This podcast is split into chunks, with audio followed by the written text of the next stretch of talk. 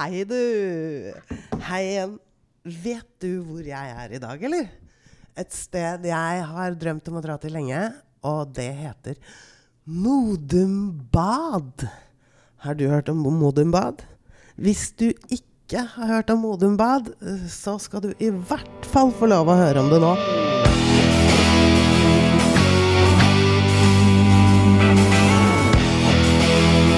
Vingeskutt, skutt, skutt.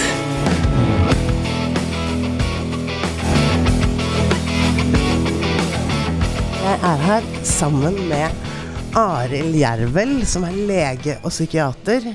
Og Ruth Helen Finsdal Ingjerd, sa jeg det riktig nå, Ruth? Ja, riktig. Ruth Helen. Eh, og her på Modum Bad gjør de så mye rart. Eller ikke rart, men mange spennende ting. At jeg tror faktisk rett og slett vi begynner der, ja, eller hva syns du?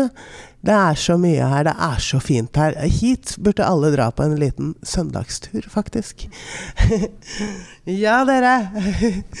Jeg er bare spent på at vi begynner, jeg. Et eller annet sted. Det jeg, det jeg er veldig fascinert av, er i grunnen hjernen vår generelt. Jeg vet iallfall at min hjerne gjør at jeg kan begynne å foretrekke å drikke. Mm. Mm. Ja, nei, hjernen er, eh, hjernen er spennende, og hjernen er komplisert. Mm. Um, jeg har jo, altså, som du nevnte, så har jeg jo da jobbet på Modum Bad en del år, og jeg tenker mye av det vi jobber med, det er jo også å hjelpe mennesker til å liksom forstå hva som skjer inni dem. Og noen ganger så er det litt som du sier, at hjernen, hva kan man si, ting skjer som man ikke helt skjønner i denne hjernen. Uh, og jeg vet ikke om du nevnte det, men uh, vi jobber jo da også på en avdeling som heter Avdeling for traumelidelser på Modum Bad. Så, så, vi jobber jo med traumebehandling.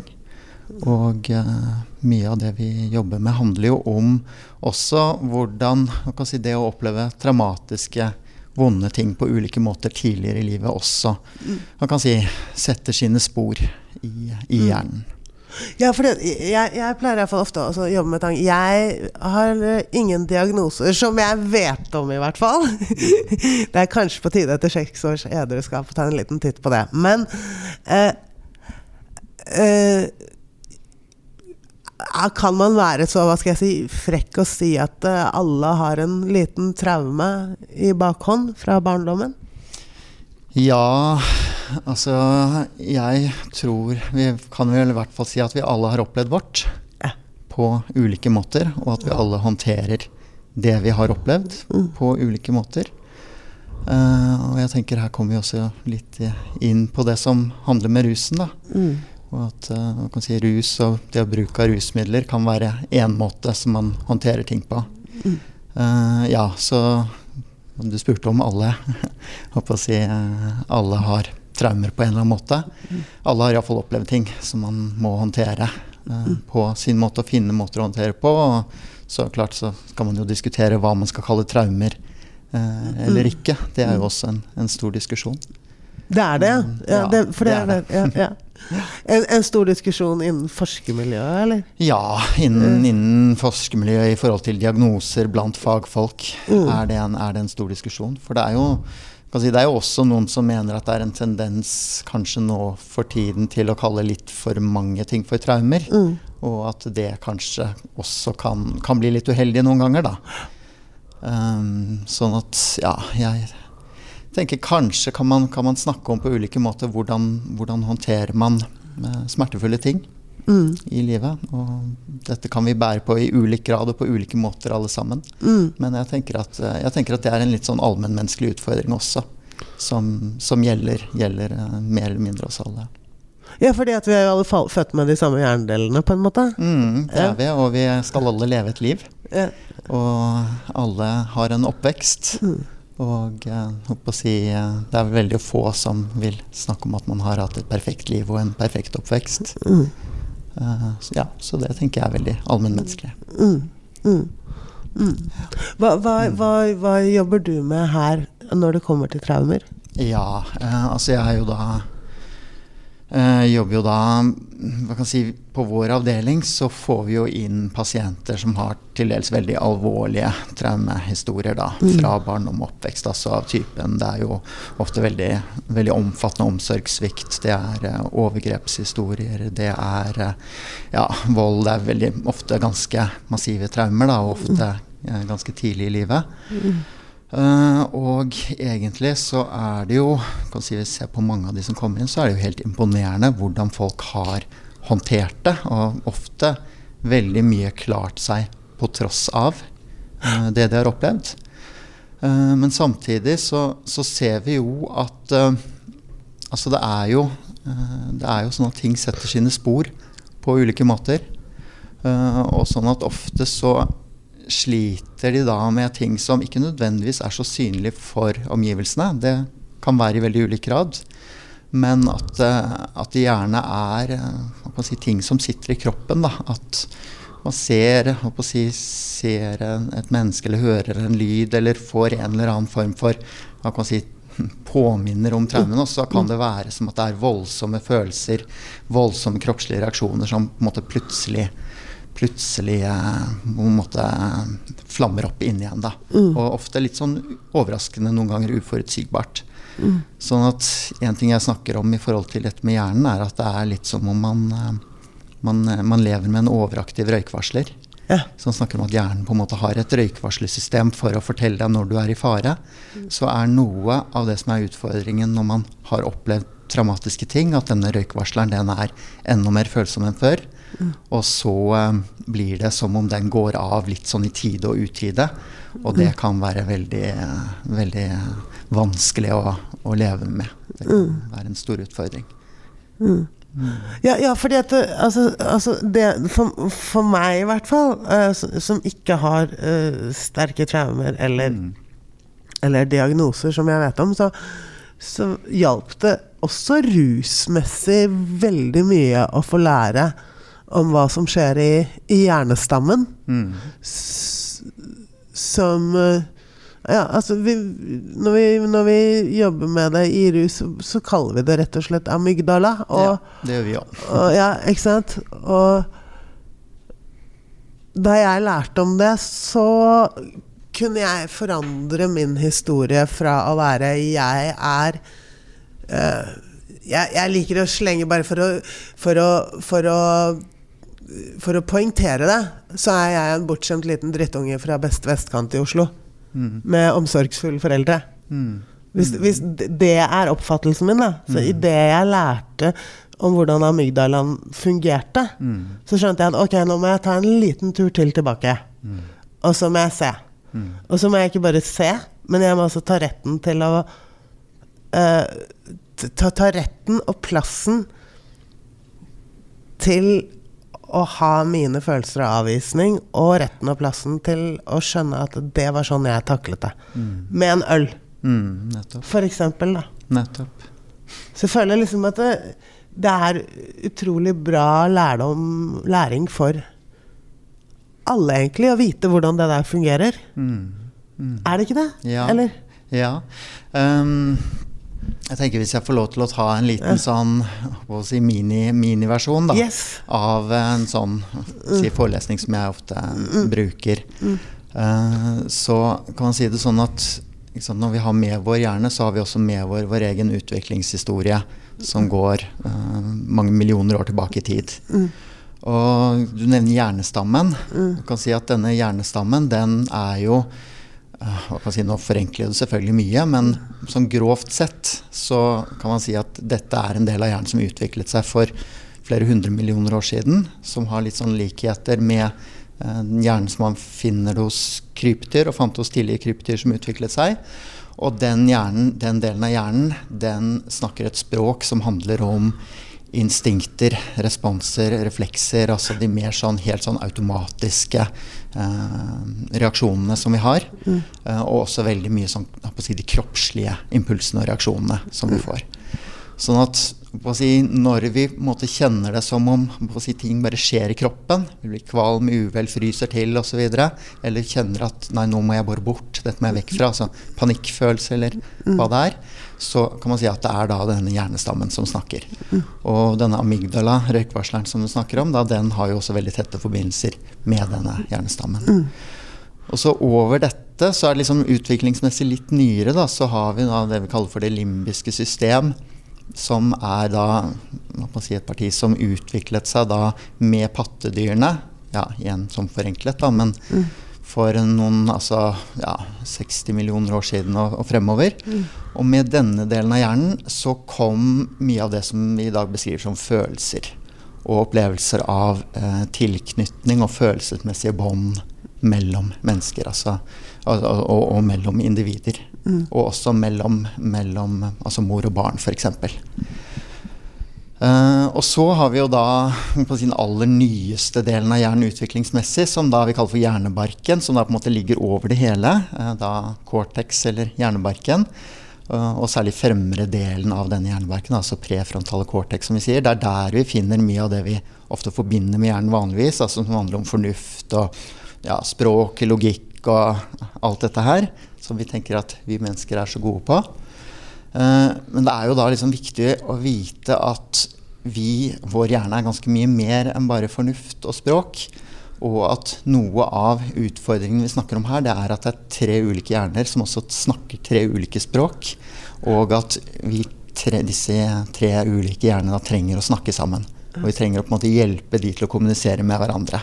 Ja, og det er akkurat ja. det som ofte er problemet. ikke sant? Ja. At det er som om følelsene og kroppen bare skriker ut og, og, gjør ting. Selv om fornuften vet veldig godt hva jeg burde gjøre, hva jeg burde tenke, hva jeg burde mm. ja, si. Så er det likevel som om altså, følelsene og kroppen reagerer på sin egen måte og driver med sine egne ting. Mm. Iallfall når denne røykvarsleren går, da. Ja. Og der kommer jo Ja, så kommer vi inn på dette på å si hva da f.eks. rusmidler gjør. Fordi at eh, sant, når, man, når, man, har dette og opplever det sånn, så, så, trenger man også å finne noen løsninger i forhold til å mestre det. Og det kan gjøres på forskjellige måter. Mm. Og så Noe annet vi også kan komme tilbake til, det er jo da denne følelseshjernen og regulering av følelser. Fordi at der tenker jeg at det er ikke bare traumer, men noe som også spiller inn, det er hvordan vi i løpet av barndommen og oppveksten har lært å håndtere våre egne følelser.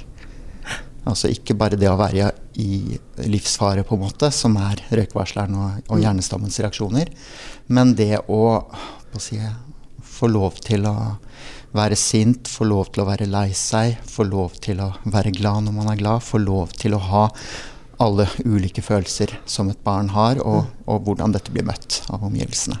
Mm. Og der er det Hva kan man si at uh, altså, Vi er jo mange som er foreldre, og ingen er perfekte foreldre. Men på å si akkurat dette hvordan foreldre da møter barn og barns følelser, det, det, tenker, jeg, det tenker, jeg, har veldig mye å si.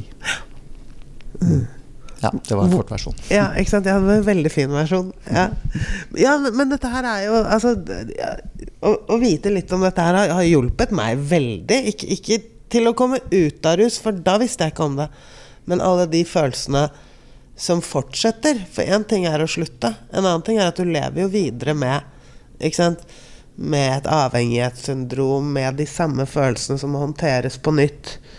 Og det å, å vite om det og være bevisst gjør at altså Når man kommer inn i et nytt rom på en ny fest med nye usikkerheter, Eh, eller altså fest og fest, altså inn på Kiwi, uansett hvor. Så plutselig så vet man litt Eller man kan iallfall gjette seg frem til Ok, nå kommer den klumpen i brystet igjen. Nå er det Nå er det farlig her.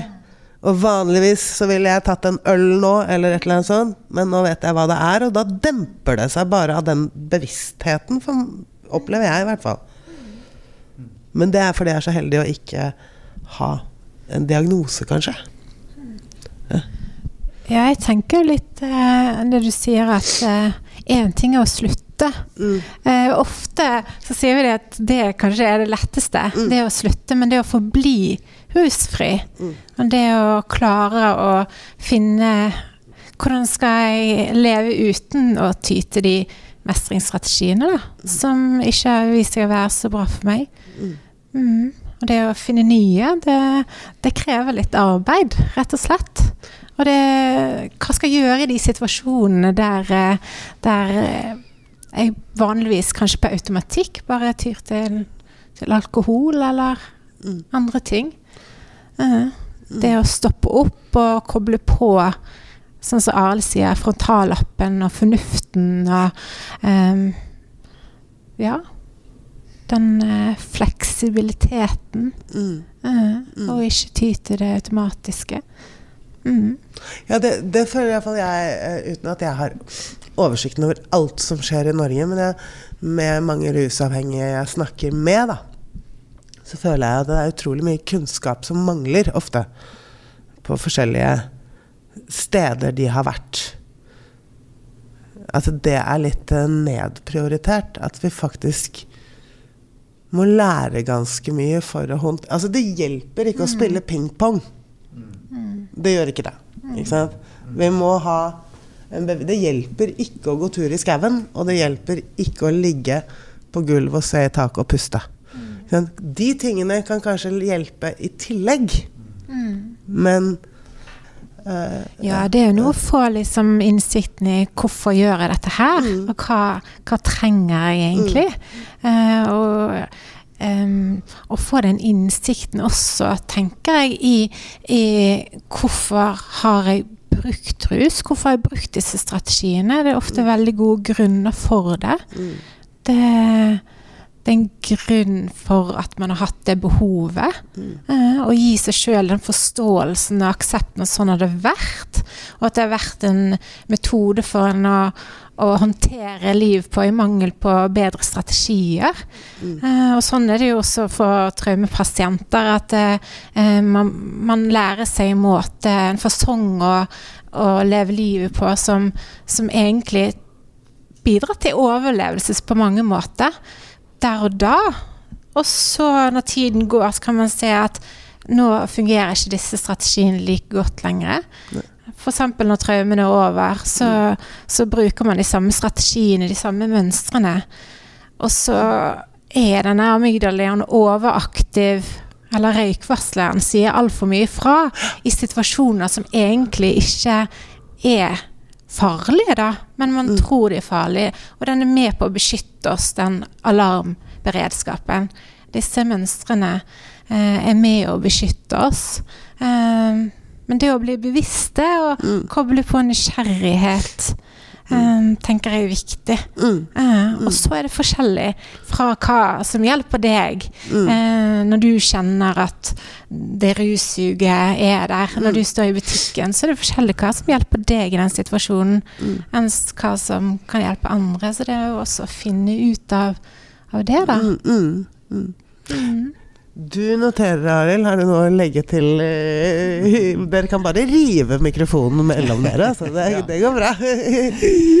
ja, jeg får noen tanker. Eh, altså jeg tenker jo litt som, som Ruth Helene er inne på, at det er et veldig viktig spørsmål. Eh, hvorfor har jeg trengt dette rusmiddelet? Mm. Altså, eller hva har Hvilken funksjon er det dette egentlig har, har fylt? Mm.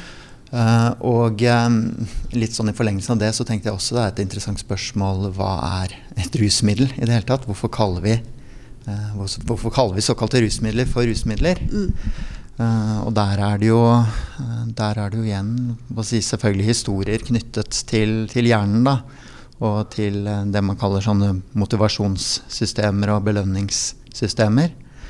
Og, og hvor man jo da mener at Eh, at uh, noe av det som skjer når man inntar rusmidler, er jo jeg kan si dette her med ja, Som du sikkert kjenner til, altså at man øker dopaminaktivitet i enkelte deler av hjernen, mm. og at det gir en si, sånn slags belønningsopplevelse eller mestringsopplevelse. Mm. Uh, og så har man jo også uh, altså I tillegg til dopaminsystemet, så har man jo også opiatsystem som, som finnes i, i hjernen og egentlig i hele kroppen. Uh, og som si, også uh, handler om, om smertelindring. Uh, og samtidig så har man jo også sett at det er ikke nødvendigvis bare si, det vi tradisjonelt sett kaller, som, kaller for rusmidler, som virker på disse systemene. Altså de samme systemene, de, de kan eh, påvirkes av altså det, er vi, det, er når vi, spiser mat, det er si, altså Den naturlige funksjonen til disse systemene er jo å hjelpe oss til å overleve. Mm. Sånn at uh, hvis jeg er veldig tørst og vi endelig får noe å drikke, så, så, um, så er det en sånn belønningsopplevelse man får. Mm. Uh, I forhold til uh, alt som har med sex å gjøre, selvfølgelig, så er det også belønningssystemer ikke sant, som skal motivere oss til å hjelpe arten til å overleve. Mm. Uh, det er også Det er jo til og med forsket på at Facebook-likes på Facebook kan gi dopaminforhøyning i disse systemene. Ja? Ja. Sånn at jeg tenker også at når vi snakker om, om rusmidler, så, så, går det an å snakke litt sånn snevert om bare substanser vi inntar, eller det som kalles rusmidler, men det går faktisk an å snakke om en del andre ting også som eh, påvirker disse belønningssystemene. Enten det er ja, shopping, eller man snakker om gambling som avhengighet, mm. man kan snakke om spilling, man kan snakke om eh, uh, sex, man kan snakke om arbeidsnarkomani, man kan uh, snakke om si, veldig mange typer avhengighet. Uh, men som jeg tenker man kanskje også kan forstå i, i rammen av hvilken funksjon har det for deg. Og, og, veldig ofte så vil jo den funksjonen da handle om på en eller annen måte å komme bort fra noe som har å gjøre med, med smerte eller ubehag eller ja. Populært kalt flukt? populært kalt flukt. Ja. Riktig. Ikke sant. Mm. Ja, jeg, jeg, jeg, kjenner igjen det du sier. Jeg, jeg, trodde ikke jeg hadde bytta ut med noen ting i det hele tatt. Før jeg sa til mannen min Jeg satt foran maskinen, datamaskinen, mm. ca. 14 timer om dagen. Ikke pga. skjermen, men fordi jeg bygde opp en ny business. Mm. Og da sa jeg jeg tror jeg har blitt arbeidsnarkoman, jeg, sa jeg til han. Mm. Og så lo han ironisk og sa blitt? Fordi man oppdager jo ikke tingene altså det, Når man oppdager, så har det jo vært sånn en stund. Jeg skrev boken min på to og en halv måned, på en måte. Ikke sant? Så det Du forsvinner. Og det merker jeg jo nå, at hvis jeg, hvis jeg må legge fra meg jobben min ufrivillig, så får jeg litt kall det abstinenser, jeg, altså. Mm, Bare for Ja. ja, det, er det. Mm. Ja, det, er, det er verdt å legge merke til. ikke sant. Mm. Du skulle til å si noe, Rutella? Ja, jeg tenkte jo litt på dette her med de her eh, forskjellige tingene som man kan gå mm. litt for mye inn i, da. Eller mestringsstrategiene, mm. som eh, kan være f.eks. shopping eller spill. At det kan fungere som en slags sånn avkobling, og fungerer veldig godt, egentlig. Samme som rus. Det, altså, det kan være sosialt. Det fins liksom ikke bare negative sider heller med disse strategiene, men at det kan bli til en slags avhengighet. da. Ja. ja og der igjen så er det de individuelle forskjellene. Eh, og tilbøyelighetene til, å, til at det blir for mye. At man får kommentarer fra de rundt. Eh, og kanskje det er sånn for mange at det er de rundt som, som sier fra først, før man blir klar over det sjøl. Ja, ja, ikke sant. Og og de rundt skal da også bruke sin tid på å oppdage det selv, de også. Så det har jo kommet ganske langt når, når, når det først kommer fra de rundt, og så skal man mm. godta det selv. Mm. Ikke sant? Da, uh, fordi at de rundt er jo også ofte i fornektelse av hva som skjer. Eller det, det er et sånn oppbrukt ord, men i hvert fall ser de ikke. uh, tidsnok, da. Mm. Tenker jeg. Ja. De, de, rundt forsvarer jo ting, de også. Ja, ikke sant? Som, ja. ja. De vil jo at ting skal være på stell de ja. like mye mm. ofte. Mm. mm. Og da kommer vi inn på dette her med at vi, vi lever jo i en kontekst. Vi, vi mm. lever jo Vi er sosiale vesen. Vi mm. lever jo med Vi har søsken, vi har gjerne ektefelle, vi har barn. Og at det vi gjør, kan også ha en innvirkning på de. Ja. Eh, sånn at eh, når vi snakker om traumer, når vi snakker om rus, så snakker vi også egentlig om at det er veldig mange pårørende der ute. Ja. Eh, Det er det også tall på. Noen sier én til fire, andre sier én til seks. Ja. ja. Eh. Bare dra til deg mikrofonen, Arild. Det er bare Ja. fint at vi får en flyt på at dere sier hva, akkurat hva dere har lyst til. Ja, ja, nei, ikke sant. Jeg, jeg fikk noen videre assosiasjoner rundt dette, dette med at eh, at selvfølgelig det er, det er glidende overganger mellom hva man kan kalle normalbruk og over til kanskje det vi kaller skadelig bruk, og over til det vi kaller avhengighet. Og at eh, jeg tenker det kan man snakke om om vi, om vi så snakker om eh, tradisjonelle rusmidler i hermetegn, altså om det er alkohol eller eh, andre, andre rusmidler, så kan man snakke om si, altså at det kan brukes i en normal sammenheng eh, i hermetegn, og for så vidt være si, relativt uproblematisk å bruke. Og så kan man komme til et punkt hvor, eh, si, hvor bruken blir skadelig. Altså hvor man ser at det altså f.eks. Eh, si, man får eh, ja, negative helseeffekter, da. Eller man opplever at man noen ganger i fylla gjør ting man angrer på etterpå, f.eks. Altså at det får skadelige konsekvenser enten for en selv eller for andre eller for omgivelsene. Og så er jo spørsmålet da, hvis det, hvis det skjer, måtte, stopper man da, eller fortsetter man? Uh, og så kan man jo da komme måte, Hvis måtte, bruken fortsetter på tross av synlige skadelige konsekvenser, enten for en selv eller andre, så er man på en måte liksom borte fra normalbruk. Da er det liksom over i skadelig bruk. Og så kan man også tenke seg at man kommer over til et punkt hvor man mer snakker om avhengighet. Hvor det ikke bare er det at det får skadelige konsekvenser, men at det også Um, altså man får dette man kaller toleranseutvikling, altså at man trenger større og større mengder av det samme for å få den effekten man ønsker. Uh, man får abstinenser hvis man ikke får det.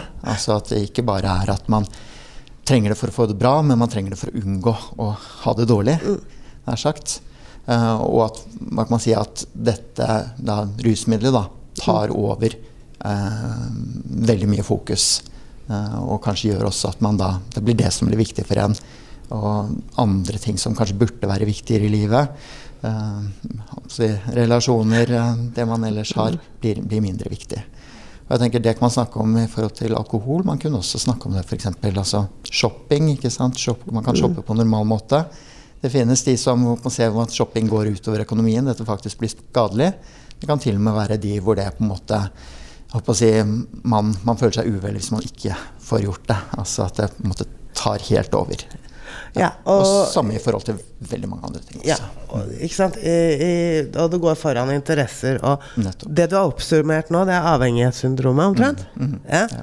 Uh, og det som du som hører på nå, du kan egentlig når du kommer hjem, eller hvis du sitter hjemme, kan du uh, ta også google avhengighetssyndromet, så vil du se at vi endelig har Verdens helseorganisasjon og hele gjengen av, av uh, leger og professor, professorer kommet frem til at vi har dette syndromet. Så det er bare å tikke av og gå til lettelse. Hvis du kjenner deg igjen, så er du helt normal, for du er en av hva skal vi si en tredjedel av verden, kanskje. Mm. Som uh, kan tikke av på alt det og slappe av og se at du trenger ikke å si du er alkoholiker. Eller narkoman. Eller sexavhengig. Du kan bare se at du har avhengighetssyndromet fordi det går foran den golfen du likte å spille, spille før. For eksempel. Ikke sant? For det har jeg nemlig oppdaget. Det du oppsummerte der, det det merker jeg på mine likesinnede, hvis man skal kalle det. At det er utrolig lettelse for dem, og, og meg, det var, var det òg da jeg leste det første gang, å lese det der. der. Mm. Og, se. og også det at det står et sted endelig. Mm. Ja. Ikke sant? Mm. Det fins en diagnosemanual hvor dette nå endelig er nedskrevet svart på hvitt. Så det, det, og det, det var øh, Jeg hadde vært edru en stund og begynt å jobbe med rus da jeg leste det, så jeg leste det litt. Men det å gi det til andre og oppdage hvor lettende det var å se det der Så det er ganske viktig, faktisk. Ja. Og jeg tenker litt, uh, Julie, også det er noe med å normalisere det litt, kanskje, som mm. også er viktig. For jeg, for jeg mm. tror at mange har litt sånn uh, tendens til å tenke at uh, rus, det angår ikke meg. Uh, ja. At, uh, at iallfall for mange så er det litt sånn uh, lett og kanskje litt sånn godt å kunne tenke ja, jeg har jo ikke noe rusproblem. Det er liksom ofte er rusmisbrukerne, og de avhengige, av liksom det er, de er der ute. Mens jeg er her, og jeg er liksom ikke rusavhengig. Og samtidig, ikke sant, så har man jo da ja, å si, bør man kanskje undersøke litt for, for seg selv da Ok, hvis jeg nå skulle å si, slutte med ja, et eller annet, om det så er eh, om det er eh, shopping eller spilling eller eh, ja, La være å spise sukker i en måned, f.eks. Hvor lett ville det være for meg? Ja. Eller ja, sjokolade, eller altså et eller annet som på en måte jeg kanskje ikke tenker over at jeg bruker ganske mye. Ja. Som en si, form for kanskje å roe meg ned når jeg er stressa eller ja. uh, har, det, har, det, vanskelig på noen måte. Mm. Uh, ja, hvordan, hvor lett vil det være å legge fra deg mobiltelefonen en måned? Ja, uh, ikke sant? Ikke sant? La være å scrolle på nettet, la være å sjekke Facebook. Jeg tenker at uh, det, er liksom, det, er litt, det, er litt, viktig å tenke at dette er ting som egentlig er litt allmennmenneskelige. Ja. Det, kan det kan arte seg på ulike måter og, og selvfølgelig ha ulike alvorlighetsgrader, men, men likevel. Uh, jeg tror at, jeg tror at det er, det er, noe som er egentlig sånn litt nyttig for alle å tenke over. Det nærmeste vi kommer en fasit, er vel det du har bakt inn i noe av det du har sagt, som er at hvis du er til skade for deg selv og mm, andre nettopp. Fordi eh, vi kommer vel ikke nærmere en fasit i noe som er uten fasit. Mm, mm. For det snakker vi om her. Vi snakker om et tema som ikke mm. To pluss to er ikke fire. Uh, ja. Nei, nei mm, Ikke sant. Det, er, det, handler om mm. hver enkelts opplevelse. Mm. Mm. Og omgivelsenes. Ja. Mm. Og litt sånn Ok, kan jeg komme med en annen assosiasjon også? Jeg får jo det, da. Men det er, noe med det, det er noe med dette med relasjoner. Og noe med det mellommenneskelige bånd som jeg også er litt opptatt av. At altså Iallfall i en del sammenhenger så opplever jeg det litt som at kanskje rusmidler blir en erstatning for Eh, de mer sånn kanskje genuine eh, mellommenneskelige bånd mm. og relasjoner. Uh, og at det er litt sånn at Hva kan man si Ja, rusmidler på et vis altså, Det blir jo selvfølgelig litt sånn Kanskje en klisjé, men at rusmidler blir en erstatning for kjærlighet. da Eller ja. for Ja, mm. si, det som ellers kunne vært gode relasjoner. Så har man i hvert fall rusmiddelet, og så er det på en måte det man på en måte da Ja, min eneste venn, eller det ja. man holder seg fast i. Ikke sant? Mm. Ja. Mm. Den eh, at flasken er min beste venn eller nærmeste venn, den har jeg hørt mange ganger. Og det er noe i det. At det eh, gjerne blir det. Mm. At eh, man eh, funnet ut at det som funker for meg nå, at um, venner trenger ikke så mye som flasken akkurat der jeg er nå. Det er komplisert med de eh, relasjonene jeg har rundt meg. Mm. Sånn at eh, det er en trygghet i det. Mm. Samtidig som det er jo så mange som ender opp da å isolere seg til slutt, hvis det har utviklet seg over tid. Så, og ofte så kan det gå litt gradvis, at man ikke merker at man til slutt da eh, ja, rett og slett uh, sperre seg inne litt og, og si nei til veldig mye. Veldig mye sosialt og mm. Kanskje man kommer i litt konflikt der. Det er ikke sånn for alle, men uh, for noen så tror jeg det er sånn. Ja, altså, og så er det, iallfall sånn fra egen erfaring, så er det jo Altså, det er jo ganske trygt nede i kjelleren nå, da. Det er, det er ganske greit å være der. Mm. Uh, det er mange trapper opp, og uh, nede i kjelleren så er det jo heller ikke helt svart. Det er ganske mye plysj der. Mm. Det er gin tonic der. Mm. Det er Doors spiller der. Altså, det er, mm. det er en, et visst behag med det mørke også. Mm. uansett hvor vondt det er, så kjenner man til det. Ja, ikke, ikke sant? Og det er mye mer utrygt å skulle gå et eller annet sted og forandre på det. Ja. til noe man ikke vet hva er. ja, ikke sant? Fordi jeg, all den kunnskapen dere sitter med, altså, den er jeg interessert i nå fordi jeg er edru. Men hvis jeg hadde vært aktiv, selv om jeg hadde vært promillefri akkurat nå, så hadde jeg ikke vært interessert i å høre på dere. Sant? Det, det, det forandrer seg også. Eh, Ja, så det dere hadde vært litt sånn teite moralske tullinger Ja, uh, som stopper meg på vei til polet. Ja. Ja. Så man forandrer jo hele tankegangen. Nå er det interessant. Nå vil jeg lære om det. Og det verste av alt er jo at hvis jeg går herfra nå og inn på polet, så vil jeg jo ikke miste interessen for det dere sa når jeg kommer hjem og tar en drink. Jeg vil miste interessen for det dere sa idet jeg går inn på polet og vet at nå kommer den. Personlighetsforandringen setter jo i gang før man løfter glasset, eller Ikke sant?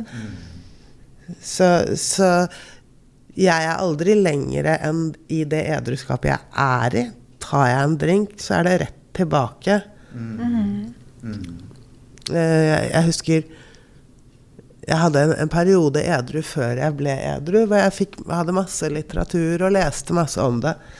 Og så begynte jeg å drikke igjen. Det var aldri snakk om at jeg egentlig skulle slutte. Det var en pause, bare. Men jeg hadde all litteraturen og var interessert. Og så husker jeg, jeg husker så godt at jeg ryddet i boden et halvt år etterpå, eller noe sånt, og fant alt det pisset der. ikke sant? Som jeg da hev rett i søpla. Altså så, så det er noe med den funksjonen også. At Ja. ja. Ja, jeg syns det er interessant det du sier om den der, eh, at det er komfortabelt der nede i kjelleren. Ja, og det, det med alkoholen òg er jo, eller rus generelt, er at man får den umiddelbare tilfredsstillelsen der og da. At her og nå så får jeg det bedre når jeg drikker. Og så her og nå i kjelleren så er det mer komfortabelt enn å bevege seg ut og være med på noe sosialt, eller Ja, så man ønsker å ehm, ja, være i det som er bra akkurat her og nå. Og så får man forståelse fra de rundt seg. Ja. Det gjør man også. Ja. Ikke sant? Eh, La oss si at man har kommet ned i kjelleren pga. et samlivsbrudd. mm, Ikke sant? Det er jo ikke så rart at Julie holder på sånn nå. Hun er i et samlivsbrudd. Eller du har sparken. Eller man bare har havnet i kjelleren. Så uansett hvor oppgitte folk blir rundt, så har de også en viss forståelse for at Huff, nå er Julie deprimert, f.eks. da.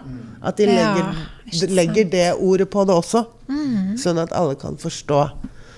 Hun burde ikke være der, hun burde ta seg sammen samtidig som de legger det der. Ikke sant? og det, det er jo så behagelig å legge på noe utenfor seg sjøl også. Og det, jeg tenker vi er inne på noe eh, som vi kaller unnvikelse, rett og slett. At uh, unnvikelse det fungerer veldig godt der, der og da. Ikke sant? Altså, uh, hvis man tenker man skal noe um, og så velger man at Ja, kjenner man at det er ubehagelig. Det bidrar til angst. Eh, f- så hvis man unnviker det, så kjenner man kanskje med en gang at det ja, man kan senke skuldrene litt, og der og da føles mye mer komfortabelt. Og så er det dette her med det langtidsperspektivet. At så lenge man ikke trenger å forholde seg til langtidsperspektivet, så, så er det greit. Men så kommer konsekvensene, og så kan det være at uh, ting Og ikke hvis jeg putter på meg, hvis jeg putter på meg ruspersonligheten min nå, som jeg, det tar meg to sekunder å gjøre, så mistet jeg interessen i det du sa konsekvenser. Ja, ikke sant. Ikke sant? Det skjer Ja. også. Eh, Ja. Jeg er ikke interessert Altså det, Ja vel. ja. Skjønner du? Og, og det er også bare en sånn promille Eller edru ting at man kan ta med seg hva konsekvensene egentlig betyr, da. Mm. Også, jeg tror det ligger en del benekting også i det, for man vil jo ikke være den som har problemer. Nei, nei. Nei. Og man Det er jo sikkert mye skyld og skam også, hvis man virkelig liksom eh, skal gå inn i det. Um, for det der gjerne utvikler seg over tid. Det har skjedd mye før man er der man er. Mm. Um, også det å la være å Eller unngå å tenke på det også. Den unnvikelsen der. Uh, det kjennes behagelig. frem til at konsekvensene blir for mange. Og, ja, Ja. brukte jeg det ordet igjen. Jo, jo, men Ja. ja. ja. De, nei, nei, jeg elsker det ordet. Det er det vi blir friske av. Men, eh, men ikke, ikke hvis jeg putter på meg den hatten. Ikke sant? Da, da blir Ja. Mm. Ja, men jeg synes det, er, det er veldig interessant å høre det du beskriver, Julie. Hva som skjer når du på en måte putter på den ja, ruspersonligheten eller rushatten, eller hva du kan si. da. Eh, så jeg tenker også veldig interessant å høre det perspektivet som du sier. Ok, moralistisk, jeg mister, jeg mister interessen. ja. Ikke sant? Eh, det er jo noe sånn kan si, Rusmidler er jo på en måte fantastisk på den måten at det virker så fort. Du får det umiddelbart, du får det her og nå. Og man føler jo også at man, det er her og nå jeg trenger det. Mm. Uh, og, så, og så er det jo også Hvis jeg skal gå tilbake til, til denne hjernen, da, så er det jo også dette med hva kan man si, læring. Disse motivasjonssystemene som jeg snakket om, det handler jo veldig mye om læring. Hva vi lærer at vi må gjøre for å overleve. Og nettopp fordi at de, det vi kaller rusmidler, virker på disse områdene, så er det også en sånn utrolig sterk læring som skjer. Og en læring som en ikke sitter i fornuften, men som sitter hele veien ned i, si, i, i hjernen. da, Dypt ned i hjernen. Sånn at det er en autopilot som fort settes i gang. Eh, og um, ja, kan si, jeg tror du har, du har helt rett. Det er jo på en måte så, så lett og besværende noen ganger, bare, eller besnærende, å bare, bare følge den. Bare ok, nei, konsekvenser, det får det driter jeg nå. Nå bare Ja. Nå er det her og nå. Og jeg trenger å føle noe godt her og nå. Mm. Mm. Rett og slett, altså. Ja. Jeg har ing hvis, hvis jeg drikke, skal drikke nå etterpå med en time, så har jeg ingen konsekvenser. Da er heller ikke barnevernet konsekvenser lenger. Fordi jeg kommer til å planlegge rundt det. Til å, og det er det vi også gjør.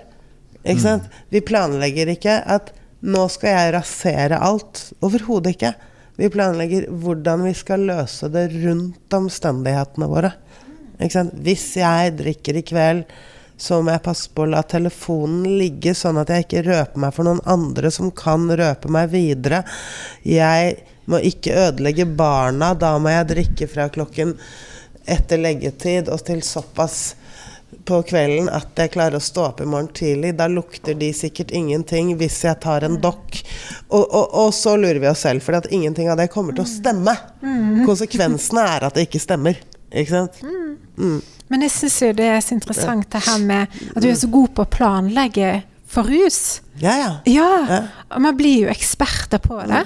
Finne ut hva, hva var det jeg lot være sist gang å gjøre, sånn at jeg ble tatt, eller så, så jeg kan gjøre denne gangen. Hvordan kan jeg best eh, ja, lure andre og til syvende og sist lure seg sjøl, sånn som du sier, med å få til en Og sånn ser ikke vi på det. Nei. Vi lurer ingen, vi. Jeg, jeg, er, bare, jeg er bare praktisk nå. Eh, Ikke sant? Skjønner du? hva Ja. Altså, det, er, det, det er et helt annet tankesett, da. Ja, ikke sant? Og som tar ett sekund. Ja, og da har man det ikke eh, Ja, da, da vil man så gjerne få til dette her. At da, da tenker man at det er legitimert, da. Det, det er greit. Og kanskje man har noen grunner for det. At nå har jeg det vondt inni meg, så jeg trenger den rusen. Um, mm. Og så tenker jeg jo dette her med Hvis man ønsker å arbeide med det og komme ut av det, uh, finne noen nye strategier, så handler det jo mye om akkurat det her med planlegging. Ja, og så handler det mye mer enn jeg trodde, faktisk, nå som jeg jobber mye med det.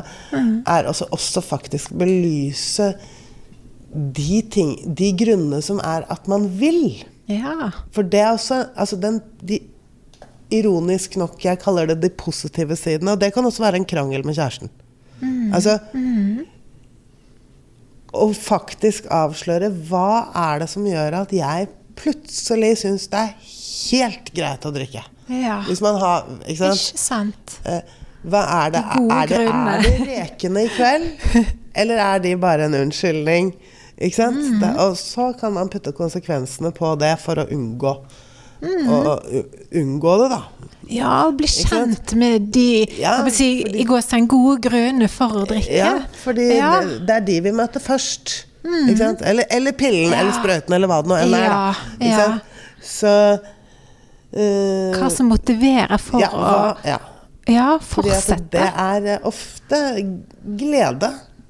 Jeg, jeg, jeg kjenner jo en som nettopp eh, sprakk fordi at han Han eh, fikk én million mer for et hussalg enn han trodde. Ikke sant? Ja, Da, hvordan skal du toppe den feiringen der med noe annet? Ja, ja. Og det er jo sånn som det er, at, at noen drikker jo helst på faktisk leder, Skal feire. Ja. Og kanskje man klarer å pakke det inn i at det er Altså, du normalt å feire. Du ruser deg av absolutt alle grunner. Jeg kan ruse meg i dag Ja, i dag er det fredag, da, men jeg kan La oss si det er tirsdag, så kan jeg bare bruke det som grunn. Ja, at man finner Det er ikke mandag, det er tirsdag. Jeg, er, altså, Ja. jeg kan feire at det ikke er mandag lenger, for eksempel. Ikke sant?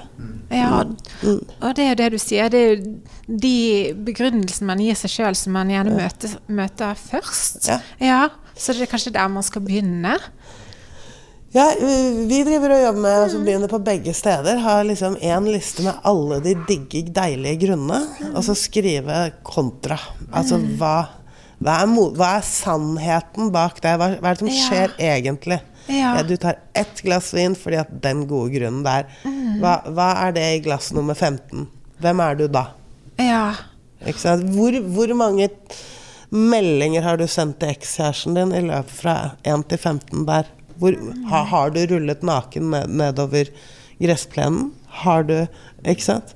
Så det er liksom foranledningen til faktisk atferden å drikke som er interessant. Eh, og så kommer det konsekvensene etterpå. Ja. Ja, eller Og de eh, hopper vi over.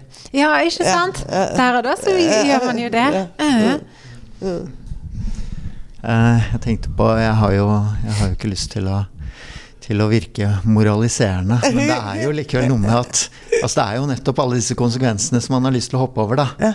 Det er jo det som egentlig er viktig. Ja, ja, ja. Absolutt. Mm. Ehm, så, så jeg tenker at altså Hvis man på en måte skal eh, si, komme ut av et eh, rusmisbruk, eller ja, hvordan man nå skal, skal formulere det, da, så tror jeg på en måte også at det, det handler jo om Man kommer ikke helt utenom at det også handler om litt sånn de større spørsmål i livet. Eh, altså hva, hva, hva slags liv ønsker jeg egentlig å leve? Hva er det som til syvende og sist er verdifullt for meg? Eh, hva er meningen med mitt liv? Altså, vi lever jo i en tid hvor jeg tenker det er, det er mange som på en måte søker mening, og det er til dels kanskje vanskelig å finne det også. Eh, Men jeg tror jo på en måte at det er noe måte, hvert enkelt menneske også må på en måte finne ut. Hvordan kan jeg gjøre mitt liv meningsfylt? Hvordan kan jeg fylle mitt liv med mening? Og da kommer man jo inn på litt sånne spørre, større spørsmål. Altså hva, ja, hva slags forelder ønsker jeg å være hvis jeg skal være det? Hva slags kjæreste ønsker jeg å være?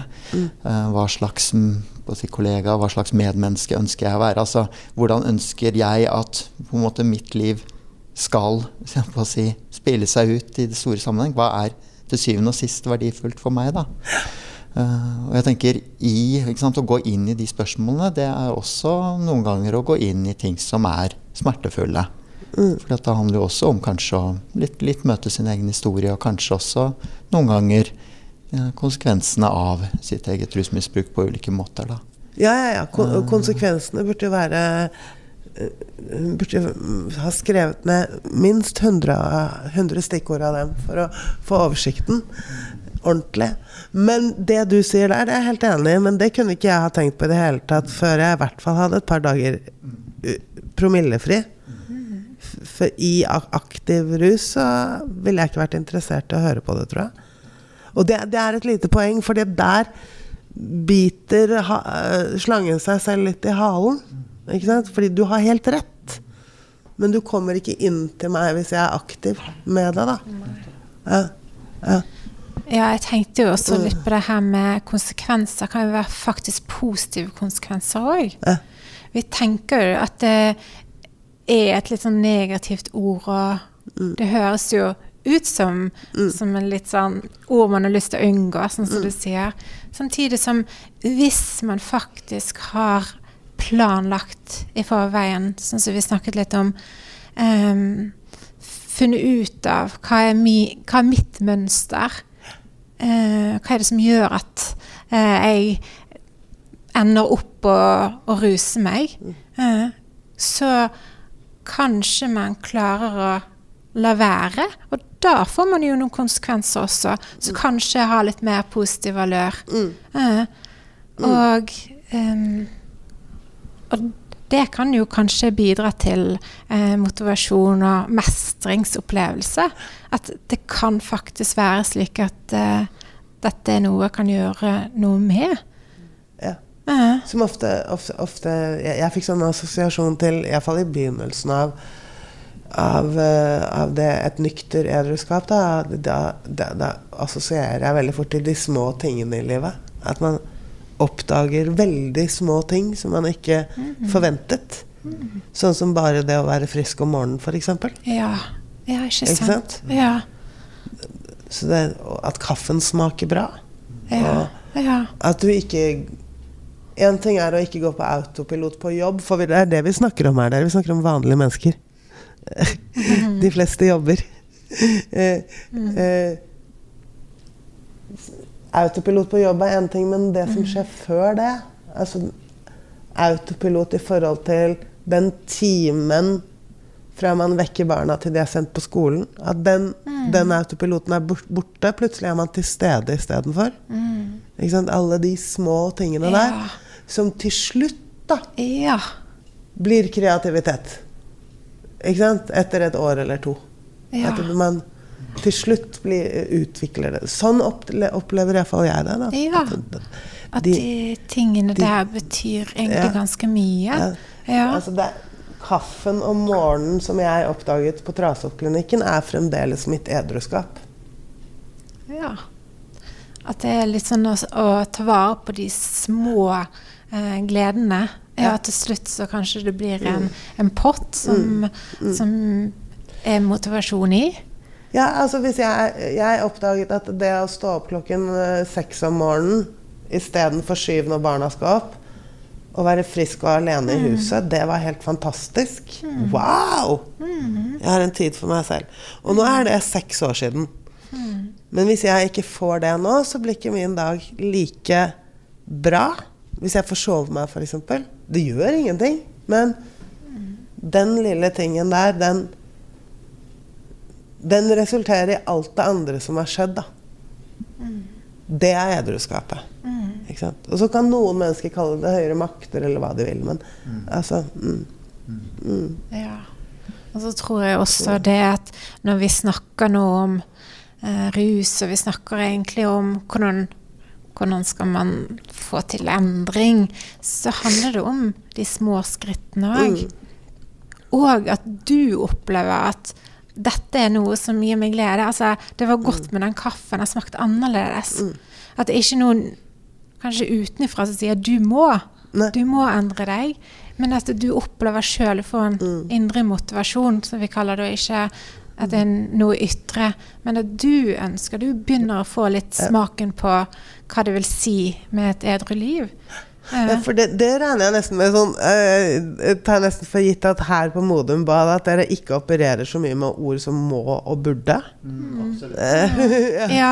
Ikke sant? Ja.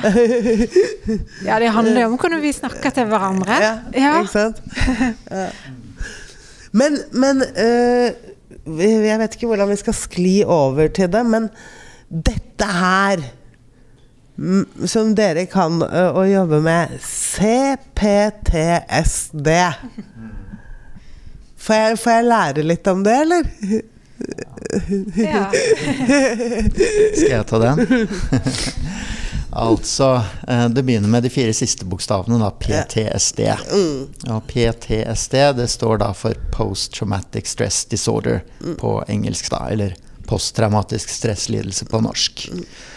Eh, og jeg får prøve å lage en kortversjon, da. Men uh, jeg kan si histo historikken denne kom jo etter Vietnamkrigen egentlig som en offisiell diagnose, i hermetegn.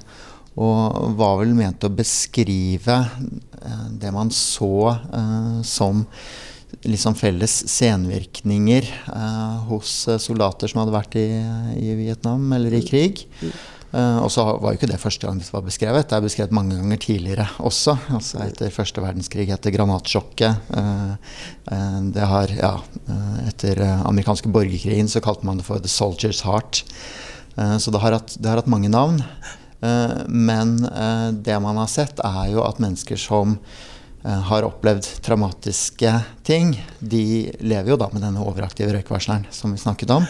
Og det kan arte seg gjennom at man har også mye det vi kaller flashbacks eller mareritt som er knyttet til hendelsen. Sånn at på en måte minnebilder om det eh, traumatiske, det, eh, det, gjentar seg i ditt eget hode eh, stadig vekk.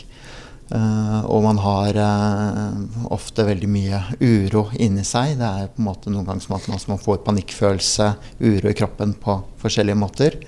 Uh, og man kan også ha problemer med noen ganger å skille mellom her og nå og der og da. At noen ganger så blir det som man er tilbake der og da, og man reagerer på ting og oppfører seg som man var tilbake der og da.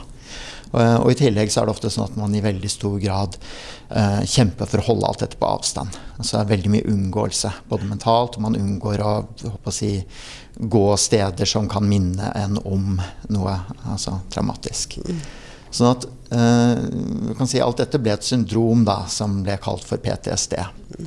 Så er det da i tillegg sånn at eh, en del fagfolk da, som har jobbet mer med sånne typer Eh, mennesker som har opplevd traumer i barndom og oppvekst, og overgrep i oppveksten kanskje, altså alvorlige traumer som ikke bare har man er ikke bare soldater som har opplevd det i voksen, kanskje mer eller mindre voksen alder, men, mm. uh, men kanskje mennesker som har opplevd kanskje kontinuerlig traumatiske opplevelser helt fra, altså fra barndom og oppvekstalder, fra ganske tidlig av.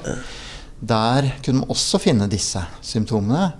Men i tillegg så kunne han finne noen andre symptomer som handlet om i enda større grad problemer med å regulere egne følelser. Altså at man, følelsene svinger veldig fort og veldig uforutsigbart. Uh, og problemer i forhold til altså det vi kaller relasjoner og samspill med andre.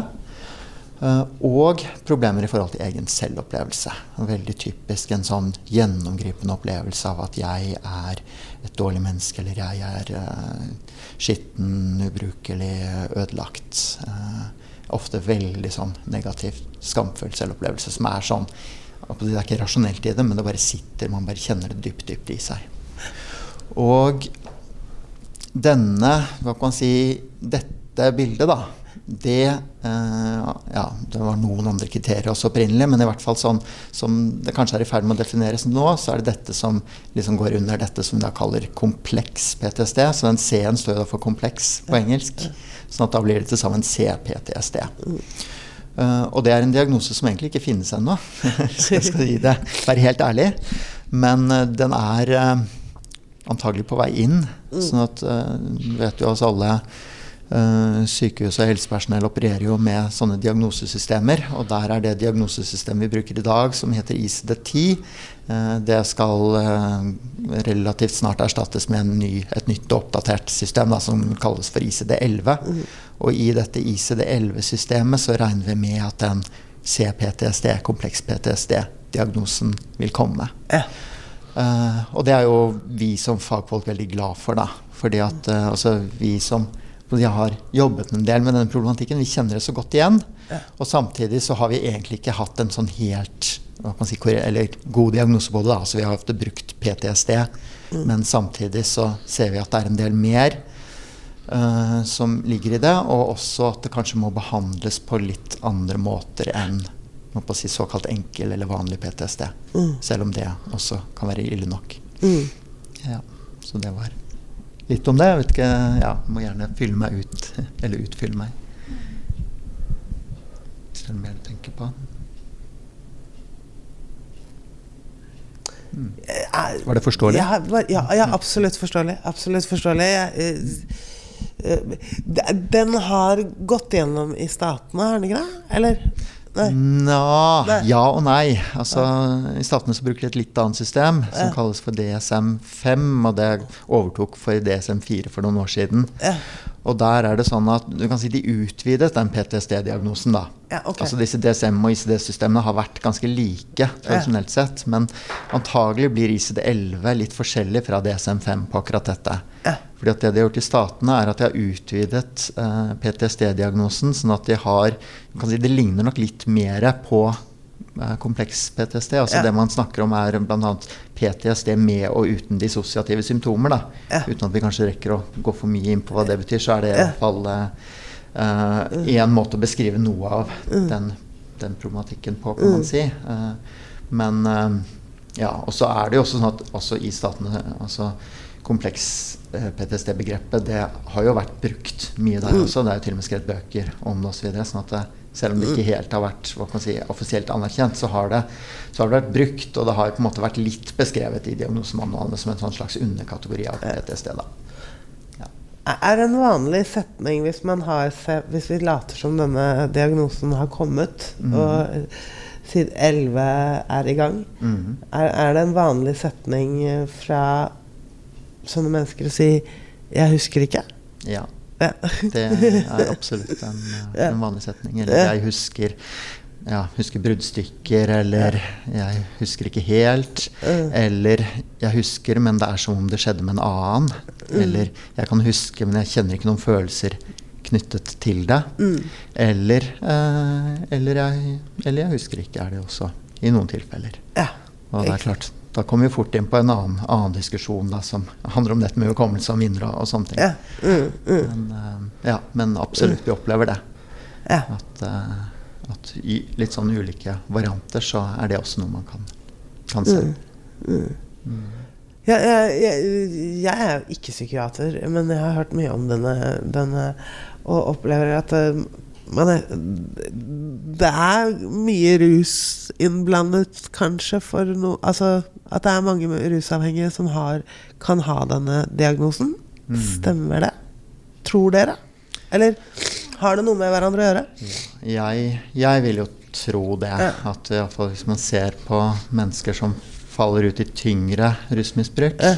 så, så er det veldig ofte eh, traumer i litt ulike former som ja, man si, Hvis man går litt inn, inn i historien og måte våger det, at man, at man også finner det.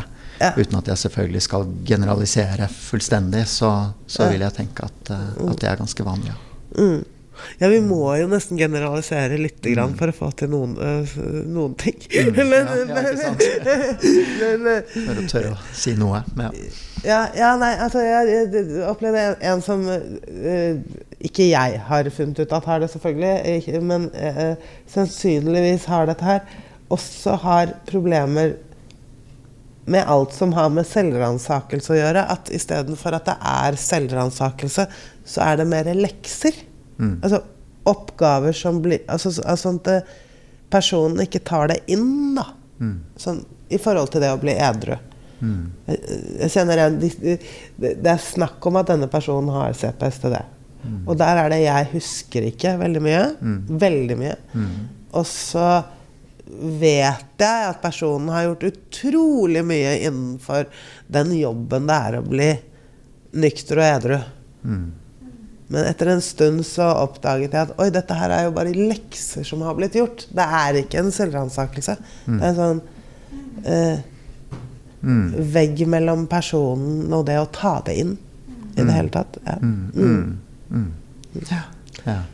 Så, ja, så jeg, jeg begynner å kjenne det igjen steder, da, uten at jeg, jeg skal påstå at jeg har peiling på det. Men mm. ja, nei, det er noe med å få følelsene med på laget, kanskje. Ja. Og, og følelser er jo ofte det som også er skummelt, da.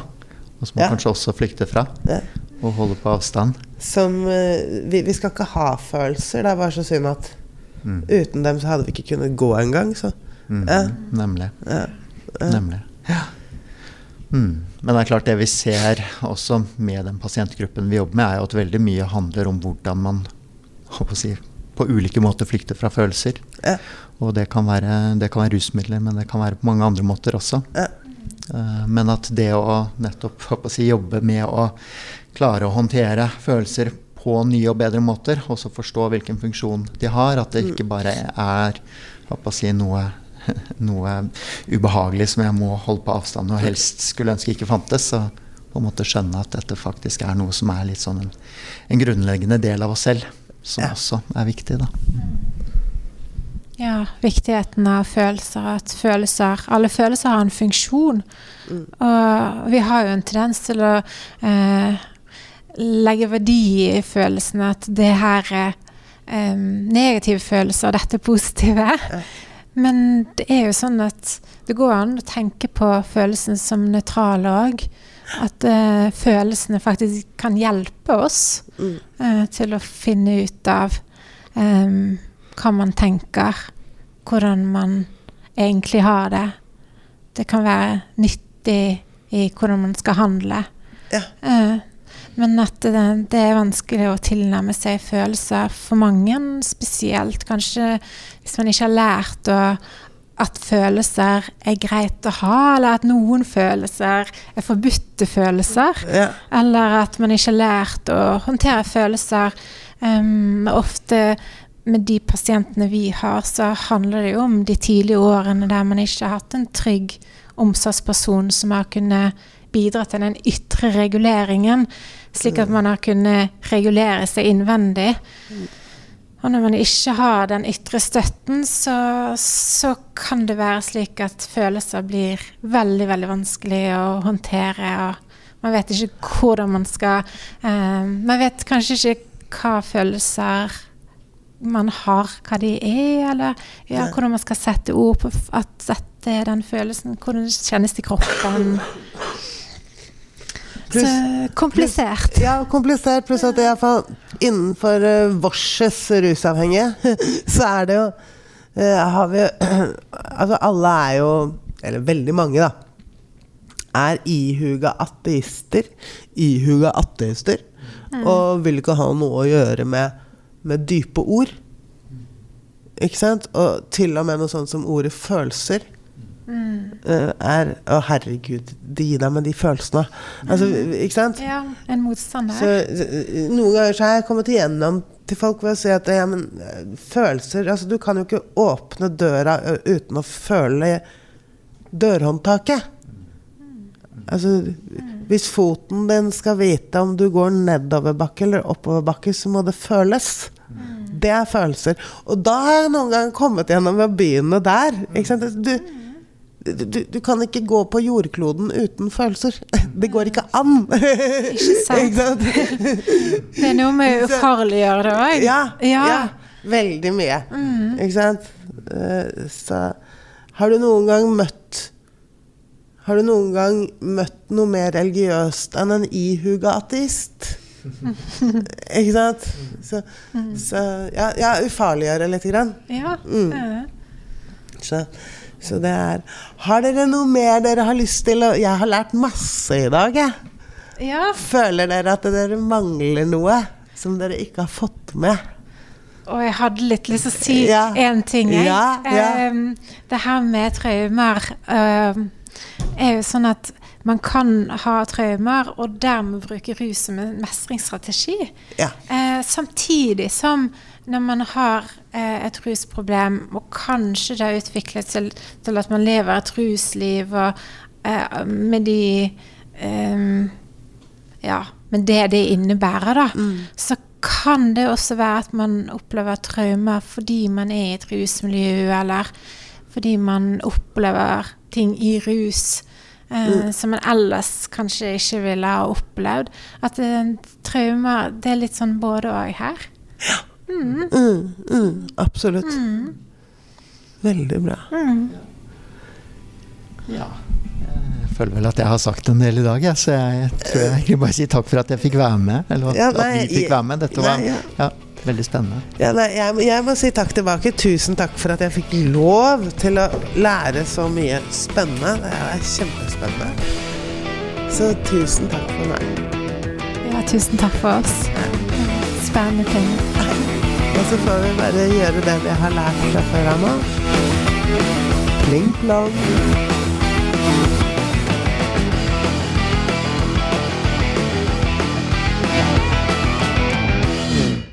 Denne. Podkasten er produsert av Tid og Lyst. Med støtte fra Ekstrastiftelsen.